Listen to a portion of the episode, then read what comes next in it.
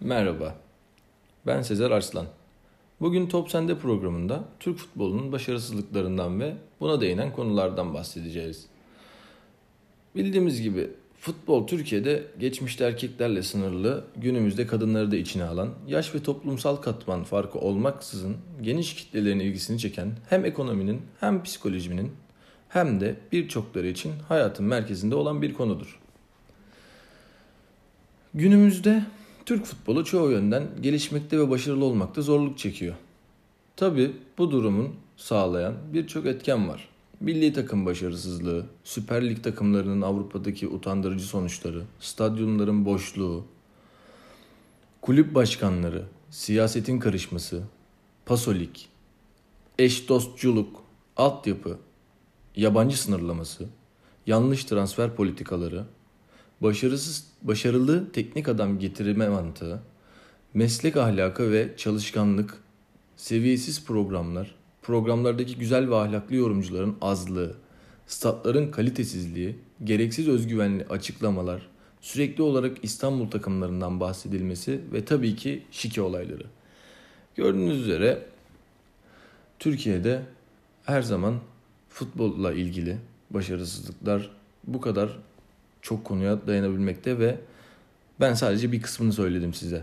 Daha bir sürü sebep bulabiliriz Türk futbolunun başarısız olma sebeplerinden. Misal milli takım belki de son 20 yıldır berbat bir performans sergiliyor. Ha, bu seneye mesela es geçebiliriz. Çünkü bu sene hani gruptan çıktık. Hani nazarda değdirmeyelim. Umarım güzel sonuçlar alırız. Ama onun dışında bu sene haricinde milli takımımızın bir başarısı olduğunu söyleyemeyiz. Umarım bu sene olur diyelim. Onun dışında Türk takımlarının Avrupa'daki başarısızlıkları zaten kronik. Yani güçlü takımlar geldiğinde, denk takımlar geldiğinde aldığımız sonuçlar olsun utanmamızı her zaman sağlıyor. Sağ olsunlar. Yani ligin kalitesi çok düşük ve belki de ligin en kötü futbolunu oynayan iki takımı ligin tepesinde. En acısı da bunlardan birinin ligi yüksek ihtimalle bir, birinci bitirecek olması. Bunun üstüne stadyumlar da bomboş.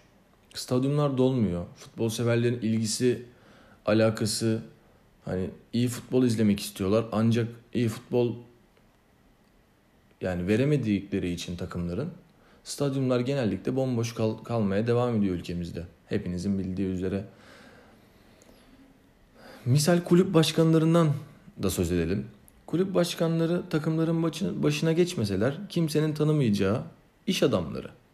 Kendi reklamlarını yapıyorlar. Ardından gelecek olana bir enkaz bırakıyorlar. Sonra çekip gidiyorlar yani. Kurdukları ilişkiler, takım yoluyla bağladıkları ihaleler ve servetleri, servetlerine servet katmalarıyla yanlarında da kar kalıyor. Yani takımın başına geçiyorlar. Kendilerini zengin ediyorlar. Ve sıradaki başkana bir enkaz bırakarak takımların başından gidiyorlar. Hani kavgacı olmayan kulüp başkanları yani iyi denebilecek kulüp başkanları zaten bildiğiniz üzere yani gerçekten işe yarayacak, karakter olarak da cidden muhteşem olan insanlar futbolun kavga ortamına dayanamayıp istifaya zorlanıyorlar. Çünkü onlar kavgacı değil. Başarısızlıklarını rakip takıma, federasyon falan yüklemediler. Özhan Can Aydın'a söylenenler, Ahmet Dursun, Seba gitsin tezahüratı olsa olsa bizim ülkede olur zaten. Bu kadar iyi insanları bu yollarla gönderiyor zaten taraftarlar. Siyasetin futbola karışmasından hani bahsetmek neredeyse istemiyorum ama böyle de bir sorun var. Aslında burada siyasileri denecek çok bir şey de yok. Çünkü siyaset doğası gereği her şeyi kullanır. Burada suç en ufacık bir şeyde siyasilerin peşinden koşan yöneticiler. Eğer sen siyasetten bir şey istersen o da faiziyle onun geri ödemesini ister. Ki haklılar da. Zaten Yıldırım Demirören'den hiç bahsetmek istemiyorum. Söz söylenecek fazla bir şey yok. Yani Türk futbolunun başına gelmiş en yani kötü şeyler söylemek istemiyorum ama en berbat adamlardan birisidir yani Yıldırım Demirören. Türk futbolunun başına gelmiş. Pasolik uygulamasına da değinelim. Pasolik uygulaması yani bu ne ödüğü belirsiz uygulama zaten can çekiştiren, Türk futbolunu öldüren, Hatta gömen, stadyumları bomboş bırakan, Türkiye'nin en önemli maçında bile stat full çekmiyor yani. Basında, basınsa bu durumda her zaman olduğu gibi tabii ki 3 maymunu oynuyor. Paso Ligi çıkardılar. Yani daha iyi olacak, gelişecek dediler. Ama hem taraftar sayısını azalttılar. Hem karşılarına bir sürü insanı aldılar.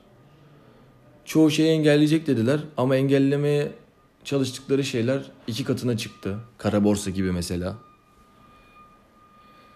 Onun dışında yani Türkiye'de zaten genel olan bir şey vardır.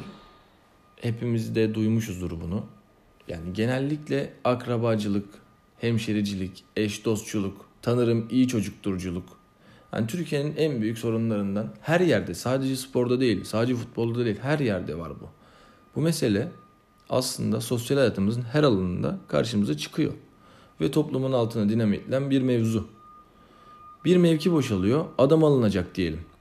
Oraya illaki birinin tanıdığı, birinin yeğeni getirilip oturtturuluyor. Futbolda da konu bundan farksız değil tabii ki. Altyapı sorunu zaten bildiğimiz gibi yani yurt dışına baktığımızda futbol kulüplerinin altyapısına ayırdıkları bütçe, ayırdık da hani öne verdikleri önem, çıkardıkları çok çıkardıkları topçular olsun. Yani bir de bize baktığımızda hani nadir, çok nadir yani. Mesela Mehmet Topal'ın Valencia'ya gittiğinde bu adam yanlış nefes alıyor ki nefes tüm sporların en temel şeyidir. Yani demişlerdi Mehmet Topal için. Bunun ötesinde altyapı Türkiye'den olan futbolcuların çoğu kronik sakatlıklar, erken yorulma, pozisyon bilgisizliği gibi şeyleri çokça yaşadığı hepimizce malum. Yetenekli topçuya verilen ekstra önem ki bizde yetenek bildiğiniz gibi çalım atmayla, isabetli şut çekmeyle sınırlı. Bunlar da yetenektir. Fakat bir takımın bütün oyuncuyu tiplemelerine ihtiyacı vardır yani. Yabancı sınırlaması diye bir şey koydular. Yani şu sıralar yok tabi ama koyduklarında misal Türk futbolu bu kadar doğrudan ve olumsuz anlamda etkileyen bir şey daha yok. Saçma sapan adamların milyon eurolar alması, Türk futbolcuların yurt dışına gitmeme sebebi, potansiyelli ama yabancı futbolcuların Türkiye'ye getirilememesi. Hepsinin sebebi bu sınırlama. Şu fark edilmiyor. Mesela altyapınızdan Arda gibi bir adam çıktı. O adam önüne kim olursa olsun onu kesip formaya alır. Mesela altyapıdan öyle adam çıkarmakta. Transfer politikaları rezil aşamada. 35-36 yaşına gelmiş adamlara astronomik rakamlar veriyorsun. O adamları yok pahasına satmak satıyorsun. Hatta ço- çoğu zaman FIFA'lık olup satıyorsun yani. O oyuncunun hiç oynamayıp gitmesi mi dersin? Her şey bizim transfer politikalarımızda mevcut. Kulüplerin bu kadar geri getirisi olmayan transfere imza atıp da batmamasının tek sebebi devletin vergide geçtiği kıyaklardır ki Beşiktaş battı. Galatasaray batmak üzere. Fenerbahçe eli kulağında. Trabzon deseniz kaşınıyor. Diğer kulüpler ise hepten beter. UEFA'nın mali fair play'i ise daha kötü günlerin geleceğinin göstergesi. Futbolcu olmak bir nevi yatırımdır. Bizim yöneticilerimiz ise yatırımcı değillerdir maalesef.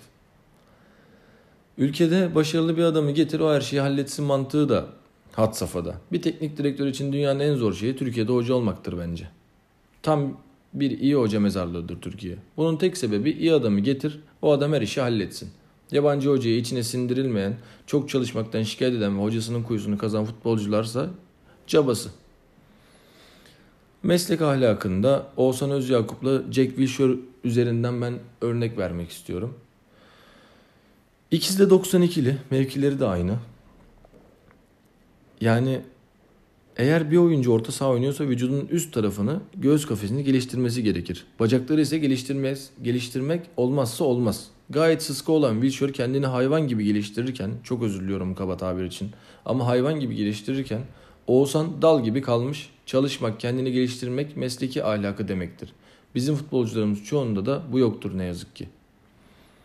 Ya bunların yanı sıra seviyesiz futbol programları da had safhada. Bu tip bu tip programları izlemeyin demiyoruz. Çünkü cidden çok komikler. Ancak bunları hakikaten dinleyip gündem, gündem oluşturuyorsanız burada sıkıntı vardır demektir. Yani televizyonda Mehmet Demirkol, Uğur Meleke, Önder Özen gibi güzel insanlar varken yani bu insanların bu kadar da az olması tabii üzücü. Yani bize bu adamlardan daha çok lazım tabii. Ama hayaller Uğur Meleke gerçekler Ümit Özat diyebiliriz. Statların kalitesizliğini zaten hepimiz görüyoruzdur. Yani futbol görselliğe de hitap etmeli. Yani tamam üç büyüklerimizin statları güzel ama Anadolu'nun şehirlen hani Anadolu'nun bazı şehirlerininkiler de güzel ama Allah aşkına Ankara'da başkentte bir tane güzel stat yapılmaz mı yani? Proje var, proje var. Hani nerede var yani? Gereksiz özgüvenlerden zaten hiç bahsetmiyorum. Yok Hasan Şaş mesela bir kere programda rakibimiz de İzlanda 50 topu kaleye götürseler 3 defa götürebilirler dedi. Adamlar bizi yendi mesela. Yani bir de son olarak da basında, internette ve hepimizde olan da İstanbul lobisi var. Sürekli üç büyüklerden bahsediliyor ve yani her şeyde üç büyükler ön planda. Şike olayına hiç girmek istemiyorum. Çok karışık ama tabii memlekette yapıldığı kanıtlanmış, davaları olmuş. Yani sonuçlanmış bir şey. Ya ülkemizde bu kadar çok sorun varken futbolun gelişmesinden yani futbolun gelişmesini beklememiz açıkçası saçmalık olur. Yani umarız umarım yani bu bahsettiklerim bir yana hani bir umut belki. Hani düzelirse hani bizim de futbolumuz gelişsin ya. Türkiye'den de bahsedilsin yani. yani. Ne bileyim bir yurt dışında Avrupa'da milli takımımız olarak bizden de söz edilsin. Biz de iyi yerlere gelelim diye umuyorum. Bu sene umarım milli takımımız yüzümüzü güldürür ve bu da bazı temellerin atılmasına sebep olur. İnşallah olumlu şeyler yaşanır ülkemizde. Beni dinlediğiniz için teşekkür ediyorum. Bir sonraki yayınımızda görüşmek üzere. İyi günler.